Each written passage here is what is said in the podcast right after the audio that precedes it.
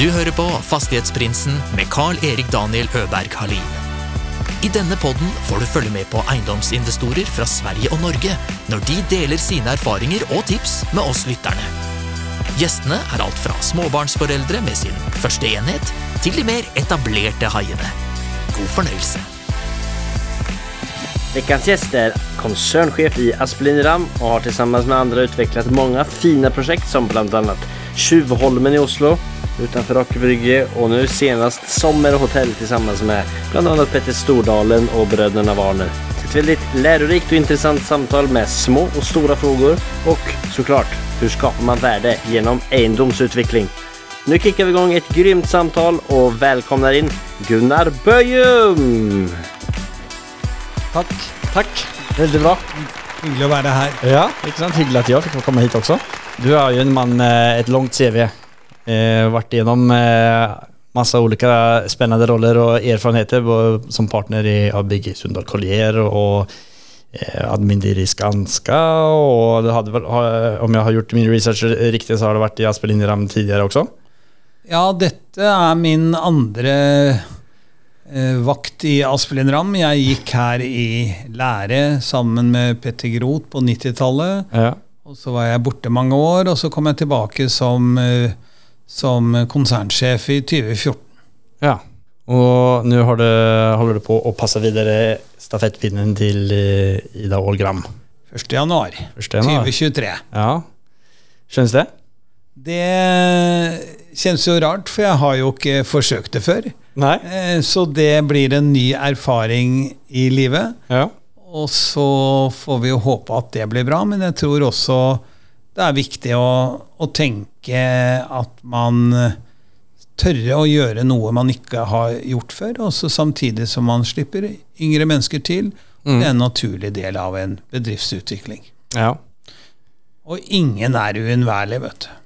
Nei, det kan, kan vel eh, være sånn, men du har, eh, det har jo enda vært veldig mange spennende prosjekt som har eh, vært under din vakt, både tidligere og nå også. Hva tror du er grunnen til at eh, ni har fått til så mange gode prosjekter? Hva er det som gjør at Asplin Ram har Jeg antar at man vinner, eh, eller man er med og ut, eh, utvikler eh, sammen. Jeg tror jo et av våre kjennetegn og kvalitetsbegreper er at vi har tenkt langsiktig. Vi har tenkt at det vi bygger, skal vi selv beholde i lang tid.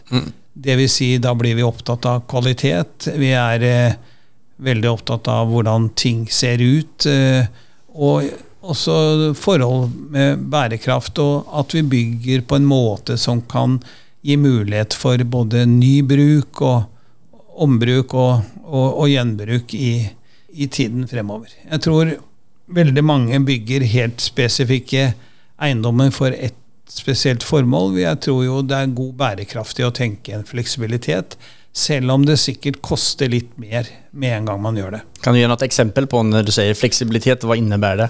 Jeg kan jo ta et eksempel fra det hotellet vi åpner, åpnet for to måneder siden. Somro, som er et samarbeidsprosjekt mellom Asplin Ram 50% Warner-gruppen 25 og Petter Stordalen 25% Det prosjektet er et hotellprosjekt som er helt unikt. Bygget i et ombygget eh, hovedkontor for gamle Oslo lysverker. Og det har jo vist seg at det er jo kvaliteter i bygget som det er lønnsomt og ønskelig å ta vare på. Samtidig som bygg er bygget på en måte som gjør det mulig å skape hotellrom der, der det var kontorer, skape møterom, fasiliteter for eh, konferanser og, og, og servering. Så det er jo bygget veldig bærekraftig før bærekraft ble et buzzord. Eh, og det er jo utrolig å tenke på også at det er bygget i en tid hvor vi ikke hadde så mye penger i dette landet. Nei. Med en design som vi i dag eh, ønsker og tar vare på. Eh, og som står seg godt eh, over tid.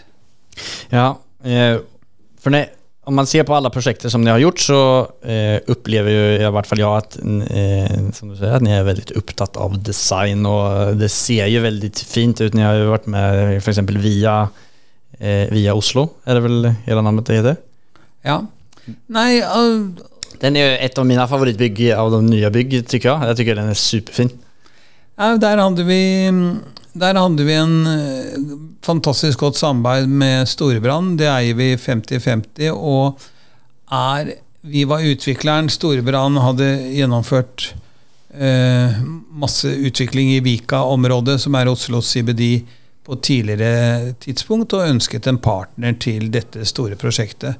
Så ser vi, så ser vi at lagt ekstrem vekt på kvalitet, design, godt hjulpet av danske eh, arkitektfirmaet Smithhammer Lassen, som gjør at vi på ett samme tomten kan øke antall arbeidsplasser fra 600 til 1500.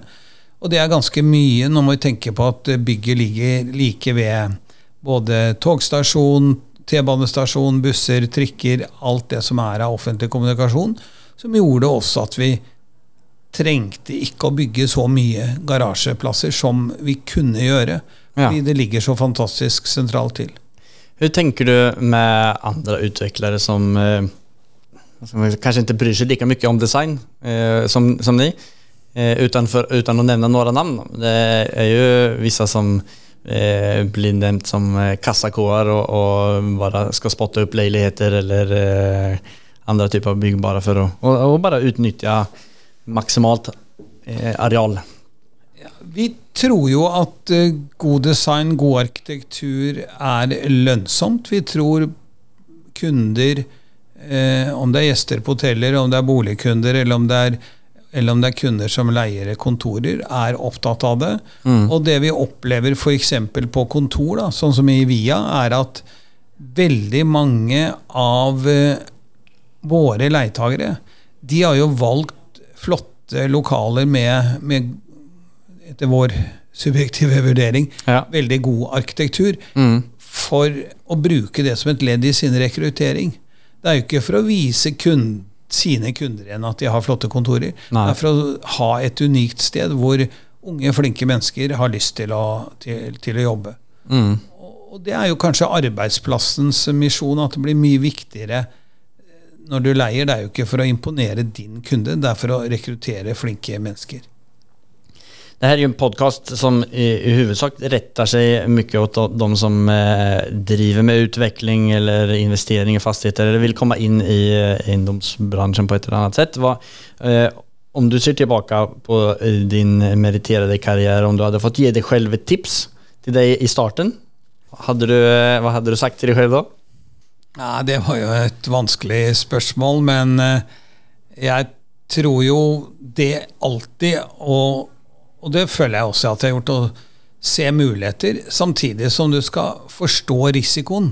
Men øh, tenke alternativt, ikke bare tenke ett spor på, på et prosjekt. Og det ser vi jo på et typisk prosjekt vi har hatt i Kvadraturen i Oslo nå, som var kjøpt inn med tanke på å bygge boliger. Det fikk vi ikke til med plan- og bygningsetaten og Byantikvarens eh, restriksjoner. Så, så ser vi at et gammelt eh, lager kontorbygg for et rørleggerfirma er blitt et, eh, et fantastisk kontorbygg for alle presseorganisasjonene, inklusiv NTB i Oslo, Pressens hus. Og, og da gjorde omstendighetene til at vi måtte bare tenke nytt og annerledes. Og det, den nysgjerrigheten og viljen til å prøve er jo viktig. Eh, Den føler jeg vi har i Aspelidram. At vi, vi prøver noen nye veier. Eh, Derfor er det viktig å ha en sunn og god økonomi, for da kan du ta noen risiko uten å spille med gård og grunn, men du kan ta risiko på prosjekter. Og det har jo vært eh, vår kultur. Og er. For sånne prosjekter som ni driver med er jo i, eh, må jo være ganske langsiktige prosjekter. Fra Från att man får ideen til at man kanskje har kjøpt en tomt eller gjør en option på en tomt eh, så er det jo fort en, et par tiår, år kanske, eller? Ja, det er eh, Vi opplever jo det fra tid til annen at, eh, at eh, reguleringssaker tar lang tid. Eh, Så har man i tillegg til eh, reguleringsrisiko, som jo er jo en, reelt sett en politisk risiko, så har man en markedsrisiko når, eh, når prosjektet er klart for å kunne bygges. Hvilket, hvilket konjunkturbilde kommer det da ut i? Mm. Um, vi tror jo den perioden vi står foran nå, i 2023-2024 Det eneste vi vet, vi tror i hvert fall ikke den blir så bra som eh, de to forutgående årene. Nei. Og så får vi, får vi manøvrere deretter. Mm. Um, derfor er det også viktig at vi ikke bare er utviklere, men at vi også er stor eiendomsbesitter, med at vi i løpet av 23-24 når 1 milliard i årlige leieinntekter. Det gjør at vi for det første så vet vi hvordan det er å eie det vi selv har bygget, og drive det vi selv har bygget. Ja. Så har vi en stabil kontantstrøm som gjør at vi kan ta, ta risiko i perioder hvor det da eventuelt måtte være mer usikkerhet i markedet. Det er jo veldig interessant. Hvor stor fordeling er uh, er portefølje i dag, og hva er ambisjonen med Ja, vi, i, i prosent? vi så vel under pandemien, da, som Mm. vi akkurat er ferdig med, at vår beste risikostyring er å ha en portefølje bestående av forskjellige eh, prosjekttyper og segmenter. Vi hadde ca. 25% av våre inntekter fra hoteller. Det var okay. jo ikke noe morsomt å ha under pandemien. Det tror jeg de fleste skjønner. Så så vi at kontormarkedet, og ikke minst logistikkmarkedet, som også vi har store porteføljer i, var veldig attraktivt. Ja. Um, så var jo pandemien en helt sånn unormal situasjon. Ja. Um, det er eh, ikke så ofte man opplever en periode hvor renten er null.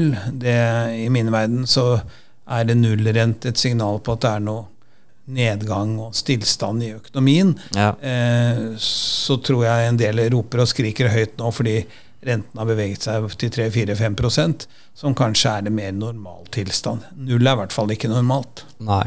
Så ni eh, satser litt mer på å jevne ut med, med litt mer porteføljevirksomhet eh, framover för att Ja, altså vi, vi har alltid bygget opp jevnt og trutt en stor ja. forvaltningsportefølje som, som vi eier. Vi tror det gir oss en god innsikt som utviklere, for da kjenner vi kundenes behov. Så det tror vi er en nyttig kunnskap å ha med seg. Og vi blir sett på som hva skal vi si, langsiktige og er der også etter at bygget er bygget. Vi konkurrerer jo ofte med mer kortsiktige spillere, om det er syndikater eller hva det måtte være, som kanskje gjør en utvikling og, og, og selger videre. Der er vi litt, der er vi litt annerledes skrudd sammen. Har ni bara samarbeten eller gjør ni litt olika? Gjør ni visse prosjekter 100% själva noen och några projekter? eh, Normalen har jo vært at vi har gjort det på 100% basis alene. Så ser vi siste årene mer og mer samarbeidsprosjekter. Typiske eksempler er eiendomsbesittere som ikke driver med eiendom til daglig. Søker da kompetanse og finansiell avlastning med, med partnere som oss. Samme eksempel er Norges varemesse på utvikling av Spektrum-kvartalet. Vi har samarbeid med Norges Bondelag på utvikling av Landbrukskvartalet. Og så har vi hatt profesjonelle samarbeidspartnere, hvorav Selvåg-gruppen og Obos har vært de største gjennom tidene. Ja. Så, Avlasting av risiko mm, um, gir flere muligheter. Og så skal vi jo ydmykt innrømme at vi i samarbeidsprosjekter lærer ganske mye. mm, Så får vi håpe også at vi kan lære bort noe. Men det er ingen tvil om at eh, et samarbeidsprosjekt er jo tuftet ofte på å både utfylle hverandre og utfordre hverandre. Når vi var inne på Via nå, så ser vi at Storbritannia er jo en, en av Nordens største eiendomsbesittere. Vi har masse å lære av de på, eh, på deres eh, fagfelt, og de har sikkert forhåpentligvis hatt noe å lære av oss på, på utviklingsdelen. Hva er altså, Deres kompetanse sitter på utvikling? Ja, det er vel det vi, vi, vi er mest kjent for. Men eh, vi har jo en ganske stor eh, drift- og forvaltningsportefølje også. Mm.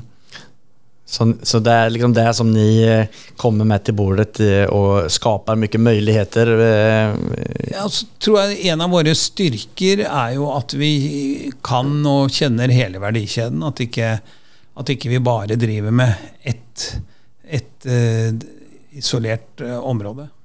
Men vi er med fra utvikling til drift og forvaltning. Hva er dine styrker, då? Nei, jeg har jo ti tommeltotter, så det er i hvert fall ikke teknisk bygging. Nei. Eh, jeg tror det, det er egentlig Det jeg tror jeg er veldig flink på, er å få tak i flinke mennesker. Ja. Til å jobbe sammen med meg, og til å jobbe sammen. Det er vel det. Det er veldig Når du ikke er, så flink selv, vet du, da må du, Ja. da må du gjøre det på den måten. Ja. Det er jo en bra egenskap om man er leder for et sällskap. Ja, så er det Det er morsomt. Jeg ser jo Vi har brukt mye tid, og jeg har brukt mye tid på unge mennesker i vår bransje. Både gjennom eh, forelesninger på universitet, høyskoler, gjennom den årlige Asprin Ramm-prisen til beste masterstudent innen vårt fagområde. Eh, Jeg er ganske optimistisk på vegne av vår bransje på all den gode kunnskapen og flinke folk som kommer inn i årene fremover. Dette blir bra. Vad er det de unge eh, tror du gjør annorlunda eh, enn hva man i dag? Jeg tror at unge mennesker i dag er mye flinkere til å spørre hvorfor enn det man kanskje i en lydig periode for ikke gjorde som ung selv. Man er mye mer tørre å være kritisk. Hvorfor er et veldig godt ord å bruke for å lære og forstå. Og det er ikke alltid sånn at eh, vi, vi eh, gamle menn i bransjen har rett. Kanskje vi gjør det fordi vi bare har pleid å gjøre det på en måte. Derfor er det der hvorfor-spørsmålet eh, Det er veldig bra å få. Det er ikke alltid like moro, men veldig bra å få. Hva er det for noe som du har, når du har forelest? For, for Det har vært på NMBU, og vi har vært på NTNU, vi har vært på BI og, og på Handelshøyskolen, og, og det er jo uh, Veldig mye av de forelesninger jeg har eh, holdt, har jo vært innenfor å se eiendomsutvikling som en del av samfunnsutviklingen, og forstå vår rolle i det store samfunnsbildet. Um, og samtidig å se hvordan marked og, og trender endrer seg, slik at, eh, slik at man forstår bransjens plass i samfunnet. Og bygg, anlegg og eiendom er jo Norges største fastlandsnæring. Eh, Norges nest største næring, hvis vi tar med olje- og gassvirksomhet eh, på, eh, i Nordsjøen. Det vi, det vi opplever, er jo kanskje at eh, til å være så stor næring, så får den ikke så veldig mye oppmerksomhet. Eh, vi tror det er litt dumt, for det er Vi bygger jo alt det samfunnet trenger. Om det er eh, boliger, eller om det er kontorer eller sykehus eller, eller skoler. Det er jo det denne næringen bygger. Så vi er en del av det store samfunnsmaskineriet. Og det tror jeg også er attraktivt for unge mennesker å føle seg nyttig. Ikke bare på å tjene penger, men også føle at man har en fornuftig og god rolle i Det er, samfunnet. det er et godt poeng der. for det, Jeg har jo vært interessert i eiendom i mange år, men det er jo ikke først nå de to siste årene jeg har kommit lite mer inn in på kärnan på det som jag har börjat förstå och bli mer intresserad i eh, det här med samhällsutvecklingen och hur stor påverkan man faktiskt har och det är ju någonting som faktiskt eh, är med och skapar positiva saker för, eh, för samfundet. Alltså jag har intervjuat eh, för exempel Trianon i, Sverige, de som håller på att utveckla eh, en, del eh, områden i, i Malmö f.eks., der de har langsiktig, eh, horisont på Og det vil jo gjøre positivt for det selskapet eh, om de får det området til å bli mye bedre, og, og, folk trivs og det blir en mer trygg miljø der. Ja, det har vært litt min kjepphest å få frem den, den jobben og den rollen vi har i, i samfunns, det totale samfunnsbildet. Ikke bare om eh, man har tjent mye penger Nei. på ett prosjekt, eller om noen eiere er blitt, eh, blitt veld, veldig rike.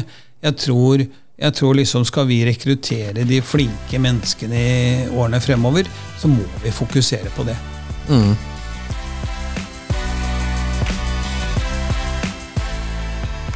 Om du hadde fått gi meg noen tips da, jag, eh, om vi skal hoppe tilbake til eh, det som ikke er din kjepphest Jeg er interessert av å drive med eiendomsutvikling.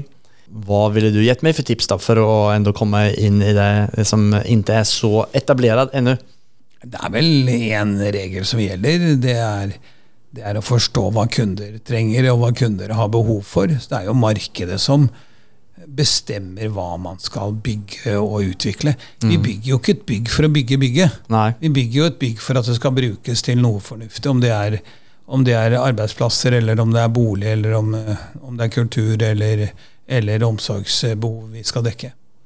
Eh, samarbeidspartner i et så stort prosjekt er de viktigste? Altså, ni står for kompetansen, kompetensen, in, oss si at ni kommer med ideen og kompetansen for utvikling. Det er jo andre fundament i, i et prosjekt som er eh, nokså så også. Alle fagdisipliner er jo involvert fordi de er viktige i, et, eh, i, en, i en helhet.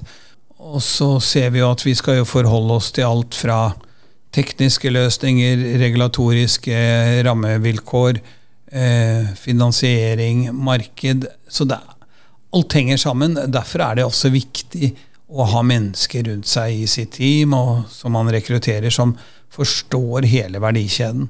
Det er ikke det hjelper ikke å være flink på Finn-design hvis, du ikke- hvis du ikke lager et, prosjekt som kan brukes. Har ni egne finansielle rådgivere inhouse eller hvordan fungerer det på liksom, når man er på et så stort plan som ni er?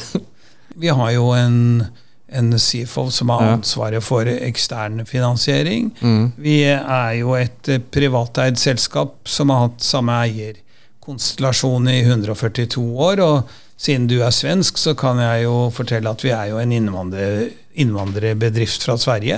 Er det sant? I 1881 så kom Gustav Aspelin til Norge og, og bygget opp en stor og lønnsom virksomhet innenfor byggevarehandel og mm. industri. Og vi er jo fortsatt store på det gjennom vårt uh, heleide datterselskap uh, Motec, som, som selger uh, utstyr, maskiner, verktøy til bygg- og anleggssektoren. Se der, fikk jeg lære meg noe nytt. Ja. Og så har vi eh, utvandret til Sverige òg, for vi har jo, vi har jo Asplin Ram Fastigheter Ja. med sete i Gøteborg, som er en aktiv eh, byutvikler, eiendomsutvikler i Gøteborg, sånn som vi er her i, i Oslo. Og det er, Gøteborg og Oslo har på mange måter vært veldig sammenlignbare. Det er mye fokus rundt eh, Gøteborg er en by vi liker godt. Det er et bra dynamikk. Det er industri, det er handel, det er utdanning. Og eh, det har jo vært mye lettere for oss, føler vi, å komme inn på Gøteborg-markedet enn det, enn det f.eks. har vært i Stockholm. Mm. Vi har et stort prosjekt i Stockholm, Clarence Stockholm, som er et av Stockholms største hoteller. Eh, mens eh, vår øvrige svenske virksomhet har vært fokusert rundt Gøteborg. Hva tror du er grunnen til det? At det har vært mye enklere? Er det... Nei, sikkert eh, litt sånn enkelt sagt. Det har kanskje vært eh, lettere for oss eh, eh, norrbager da, å, å kunne få et fotfeste i Gøteborg.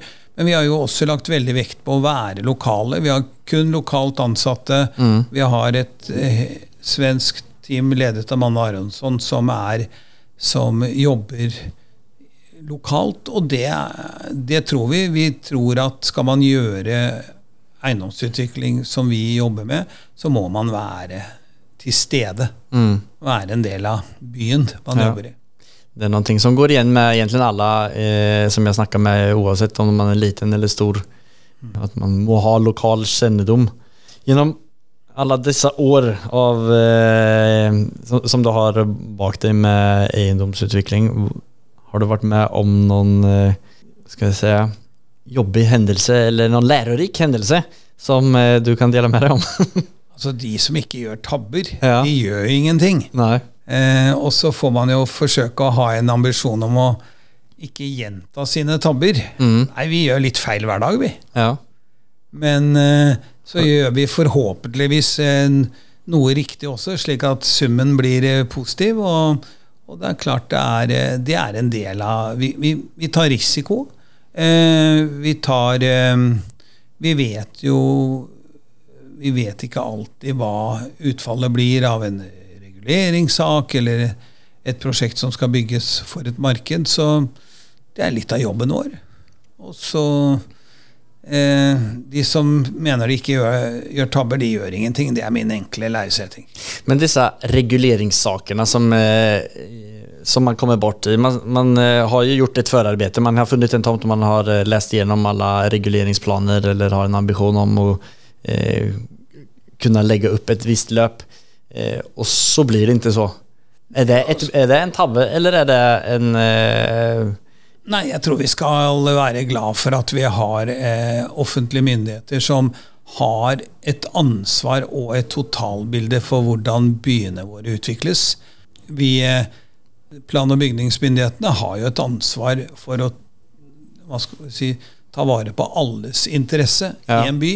Eh, Aspelin Rams ansvar er ta vare på våre kunders interesse og vår egen interesse.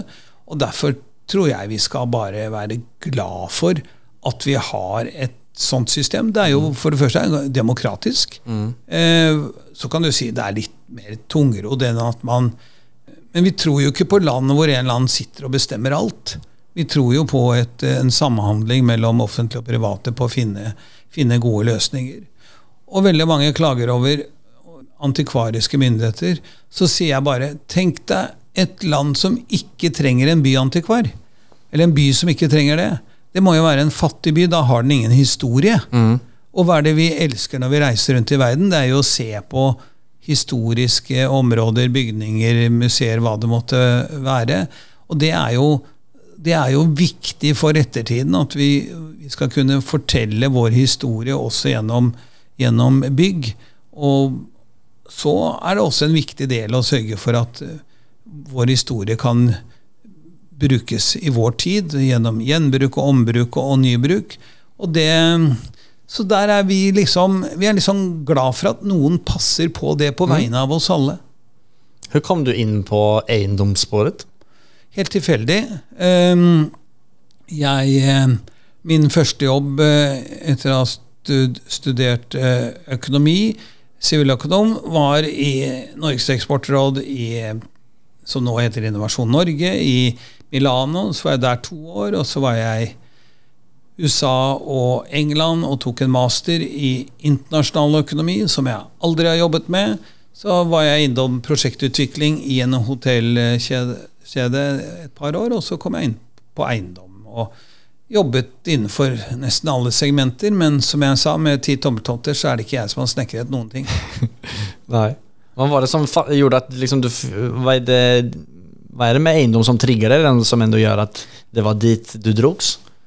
Det spennende er jo at du møter både Du møter eh, å si, samfunnsrollen og samarbeidet med offentlig på, på hva man skal og kan bygge. Eh, Du møter marked gjennom hva kunder ønsker å ha. Du møter eh, design gjennom arkitektur og samarbeid med arkitekter.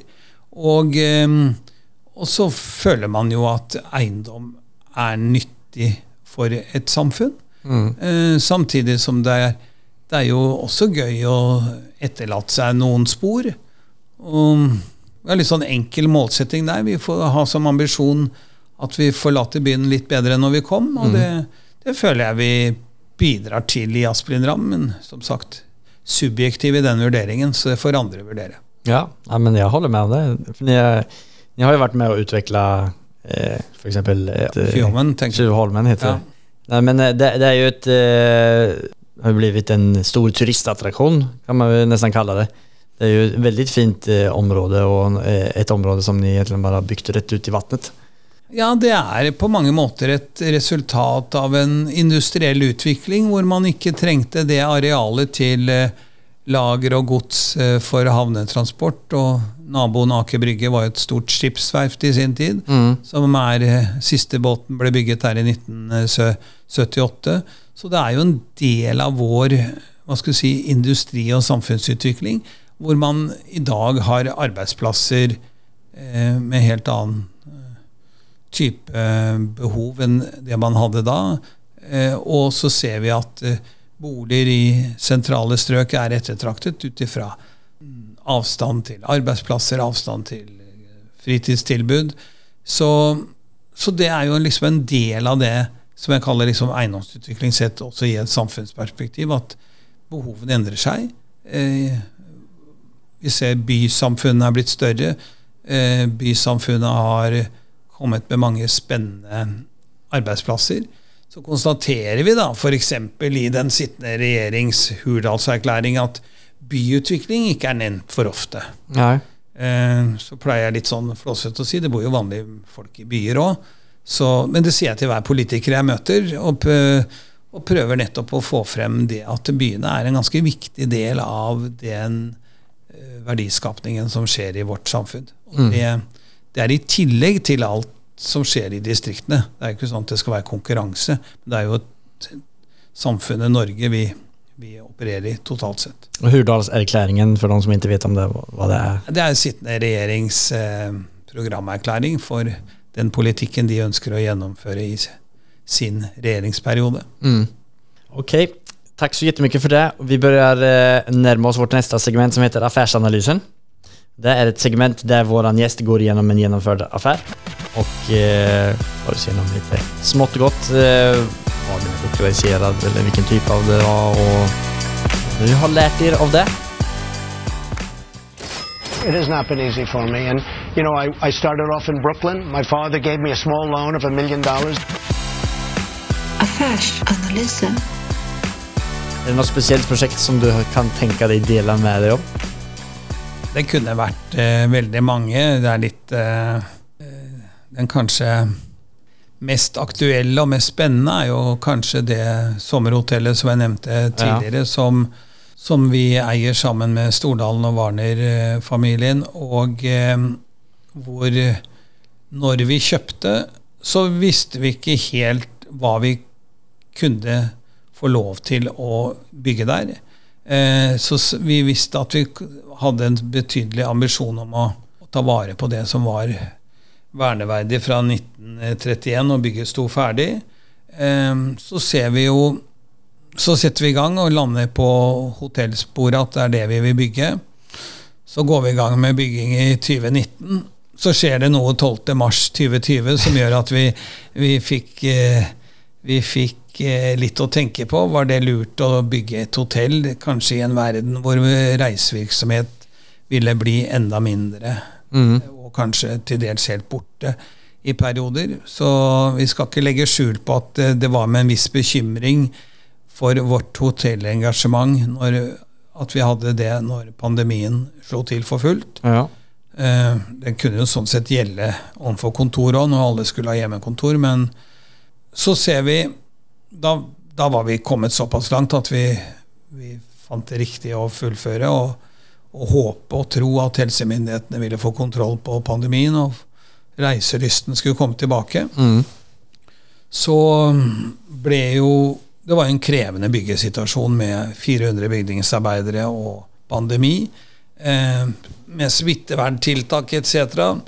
Og prosjektet ble jo ikke noe lettere på leveringssiden når pandemien bli avløst av en krig i Ukraina. Eh, og eh, vi flyttet jo veldig mye av spesialproduksjon av møbler fra Asia til Spania, Baltikum og Portugal for å ha kortere transportvei i forbindelse med planlagt åpning nå i, nå i høst. Mm. Og, og, det blir litt sånn eh, Det, det er litt sånn Murphys law når da de siste to trailerne med, med møbler eh, skulle komme morgenen før åpning, så leser vi i avisen at det er brann på en ferje i Østersjøen. Det tenkte vi kanskje ikke så mye på, helt til, helt til vi hørte at vi selvsagt hadde en stor møbellast på vei der. Så det prosjektet der tror jeg liksom har opplevd det meste som vi selv mm. ikke har hatt kontroll på. Ja.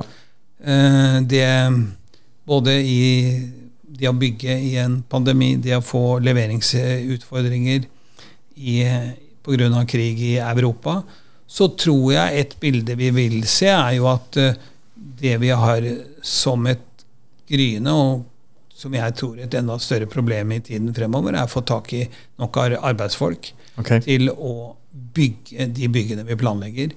Vi eh, utdanner for lite fagfolk til vår næring.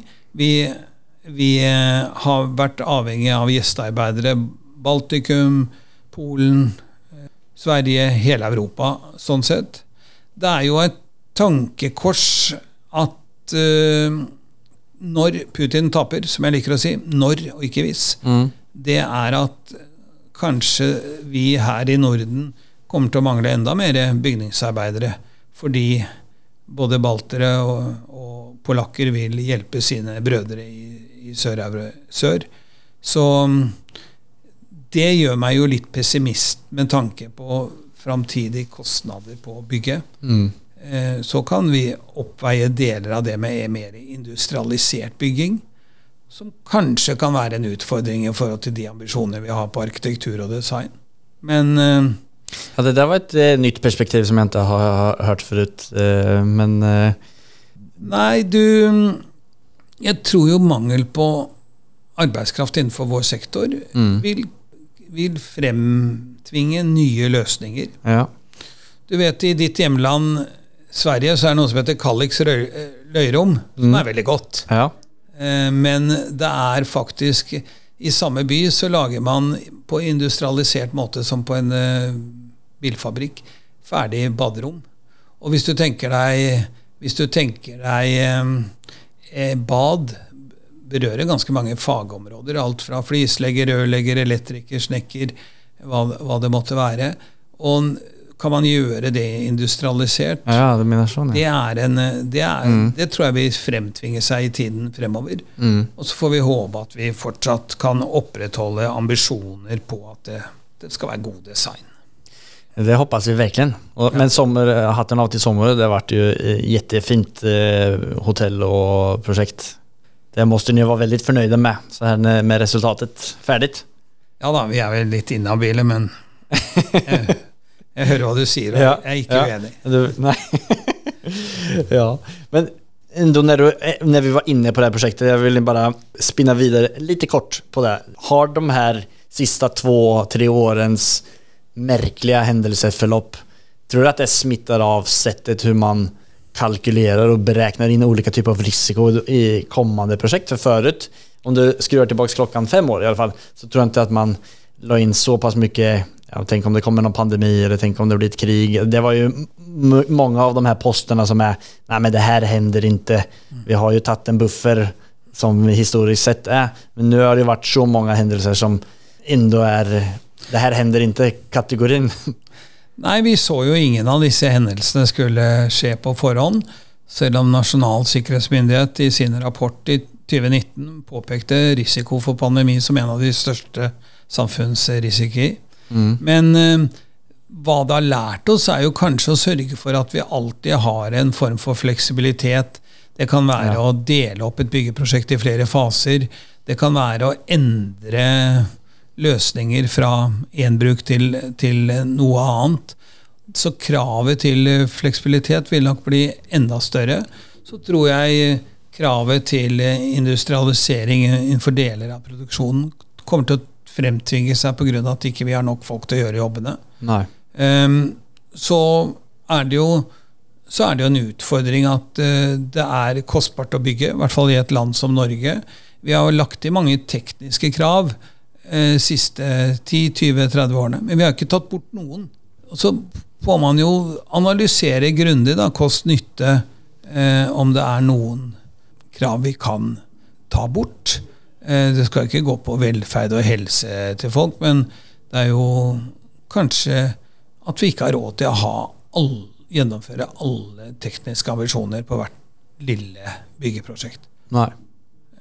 Ja, men tack för att jag fick spinna vidare på det. Då springer vi vidare till vårt sista segment som heter Fyra frågor. Och det är de samma fyra frågorna som vi ställer våran gäst.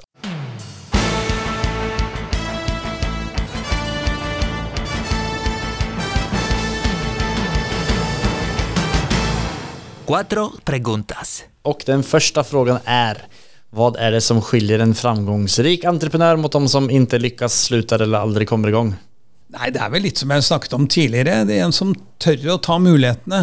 Og selvsagt skal være klar over risiko, men du må tørre, og du må, og du må ta det, og du må gjøre det der og da.